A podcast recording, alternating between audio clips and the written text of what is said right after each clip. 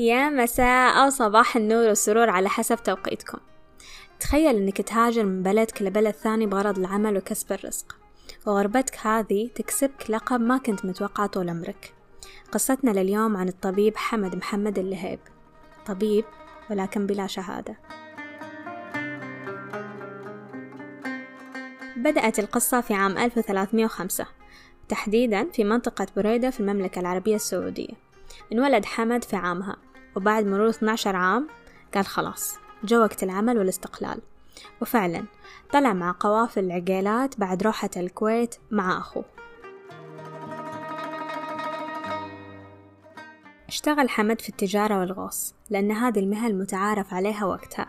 بعد مرور كم سنة رجع عشان يكمل نص دينه ويتزوج.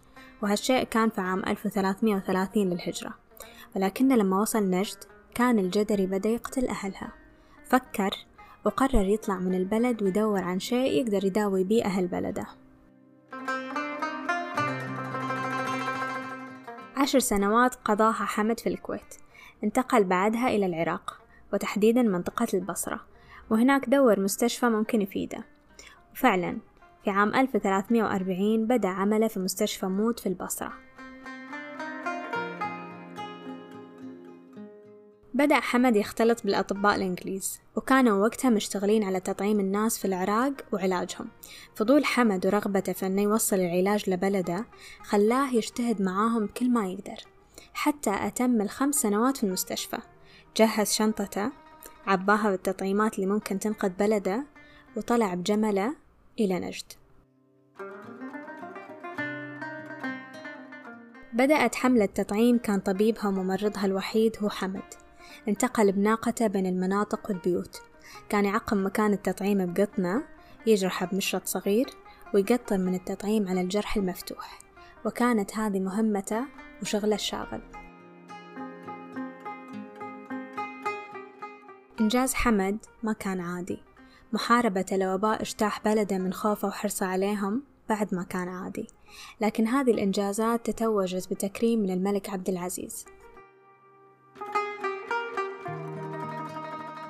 حمد صار ممرض رسميا في عام 1369 توج كمستشار فخري في وزارة الصحة لتأسيس عدد من المستشفيات منها مستشفى بريدة المركزي مركز جازان الطبي ومستشفى الشميسي بالرياض.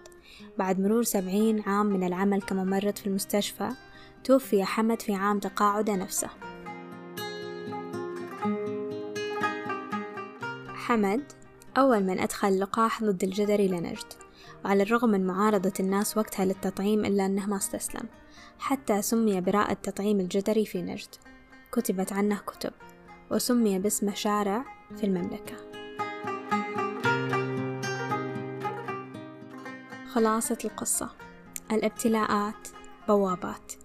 قليل منا يستوعب أنه يملك مفتاح الضفة الثانية منها. لما تستوعب أن المفتاح في يديك انتقالك للجهة الثانية راح يكون فيه فرشك الغير عادي. لما يكون الابتلاء حولك تذكر إنه ممر بس لنسختك الأحسن من نفسك.